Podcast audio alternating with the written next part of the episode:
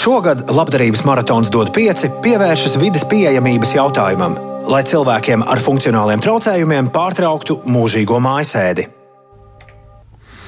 1992. gadā apvienoto nāciju organizācija pieņēma rezolūciju, ar kuru katra gada 3. decembri pasludināja par Starptautisko personu ar invaliditāti dienu. Un tāpēc šajā rītā runāsim par to, kāda ir invalīdu situācija Latvijā. Un šim jautājumam šogad savu uzmanību velta arī labdarības maratons dod pieci. Mums tiešraidē šobrīd pievienojas Tiesību sarga biroja sociālo, ekonomisko un kultūras tiesību nodaļas vadītāja Ineta Rezevska. Labrīt!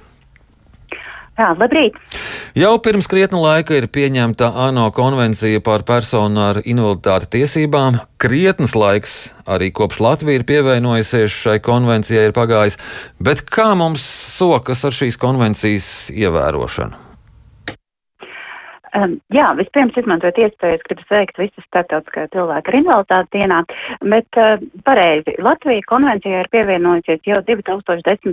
gadā, nu tātad jau desmit gadi ir pagājuši, un uh, tiesības sargs saskaņā ar likumu ir noteikts kā, um, kā institūcija, kas veids konvencijā noteikto tiesību ieviešanas uzraudzību. Un, ja mums jāsalīdzina šie desmit gadu laika nogriezni, viennozīmīgi mēs no savas puses skatoties teikt, ka situācija ir kļuvusi labāka. Salīdz um, kaut vai to pašu 14. un 15. gadu, minētajā gadā tiesības sargs veids tādu visaptverošu pētījumu, veicot gan pašu cilvēku ar invaliditāti aptauju, vaicājot, kā viņi jūtas sabiedrībā, vai viņu skatījumā dzīve kopš konvencijas ieviešanas ir uzlabojusies un kas ir viskritiskākās dzīves jomas. Un um, attiecīgi tajā mirklī cilvēki norādīja, ka vissliktāk uh, viņi uh, jūtas attiecībā uz pabalstu sistēmām, uz veselības aprūpas pieejamību.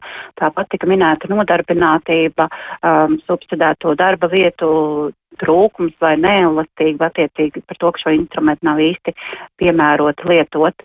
Um, attiecībā uz bērniem ar invaliditāti, ka, kā, kā problemātiskākās jomas tika norādīta iekļaujoša izglītība. Un attiecīgi minētajā periodā mēs arī veicām visas sabiedrības aptaujas, proti, ka tad, ko tad mūsu sabiedrība domā par cilvēkiem ar invaliditāti.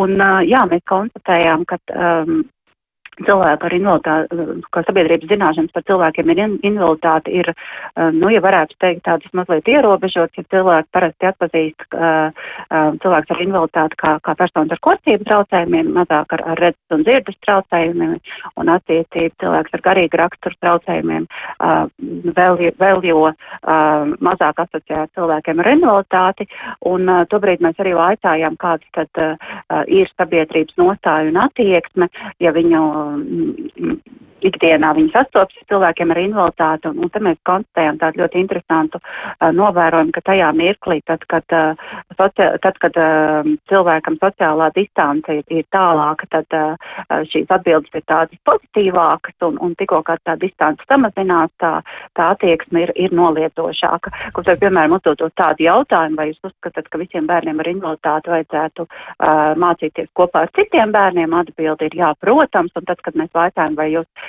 piekrist, ka, ka, bērns, ka jūsu bērns mācītos kopā vienā klasē ar bērnu ar invaliditāti, šīs atbildes jau kļūst tādas noliet, mm -hmm. nolietošākas. Un, Jā, attiecīgi tobrīd mēs veicām arī pašvaldības aptauju, mēģinot identificēt labās prakses piemērus, un, un ļoti līdzīgs pētījums šobrīd ir veikusi arī labklājības ministrija, un mēs varam salīdzināt, kā tad ir, ir jau šo piecu gadu nogriezni situācija mainījušies. Jā, bet kāpēc mēs joprojām uh, runājam par vidas nepieejamību invalīdiem, lai gan tos jautājums jau bija gadiem jārisina? Jā, protams, mēs skatāmies uz vidas pieejamību. Tās situācijas ir ļoti, ļoti dažādas, un tas, ar ko tiesības sargam nāk saskarties, ļoti nu, bēdīgi ir, ja jaunajos projektos mēs redzam, ka, ka vide netiek veidota pēc universāla dizaina principiem un arī nav pieejama. Nu, mēs uzskatām, ja, ja tie ir jaunie projekti, viennozīmīgi ir jābūt pieejamai videi. 2015. gadā mēs veicām arī augstskolu aptauju un, un, un monitoringu vērtējot, kā ir ar augstākās izglītības vidas pieejamību, un tie rezultāti nu, nebija ļoti, ļoti apmierinoši, un mēs uzskatām, ka, ka mācību iestādēs viennozīmīgi valsts un pašvaldību iestādēs videi ir jābūt pieejamai, un tie, tie iemesli ir ļoti, ļoti dažādi. Um, ja mēs vērtējam pēc normatīviem aktiem, mums it kā izskatās, ka viss ir kārtībā. Savukārt, kad mēs vērtējam pēc tā, tā, tā kā, kā tas ir uh, dabā un kā tas ir izpildījumā, un tur mēs saprotam, ka tiek izmantots dažādas atkāpes, un, un nu, nav tas rezultāts teicams, ja tā varētu teikt. Tātad nu, pēc papīriem. Pēc papīriem Jā. mums gan arī vai viss ir kārtībā, bet reālajā dzīvē tā nav. Bet sakiet, kas aizvadīto gadu laikā, runājot par invalīdiem, ir uzlabojies un ko varētu teikt, ka tas ir labi? Nu, viennozīmīgi mēs gribētu teikt, ka sociālā situācijā um, arī nebez tiesības sarga palīdzības, uh, skatoties uz šiem minimāliem ienākumu līmeņiem, ka tiesības sargs vērstās patvērsmes tiesā ar, ar um, pieteikumiem par, um, par minimālo invaliditātes pensiju, kam par valsts sociālo nodrošinājumu pabalstu. Mēs uzskatām, ka 21. gadā, kad sociālai jomai tīri atbalsta līmeni tik būtiski līdzekļi papildināti, šī joma ir gājusi krietnu soli uz priekšu un, un tie pabalsti ir kļuvuši krietni, mm. krietni labāki. Protams, arī tur viss nav perfekti. Jā. Mēs neredzam to regularitāti, kurai tur bija jābūt un, uh, un arī adekvātu un nepārtrauktu pārskatīšanu. Nu, tā -hmm. noteikti būtu joma, ko mēs atzīmētu, kuri, kuri panāktu progresu.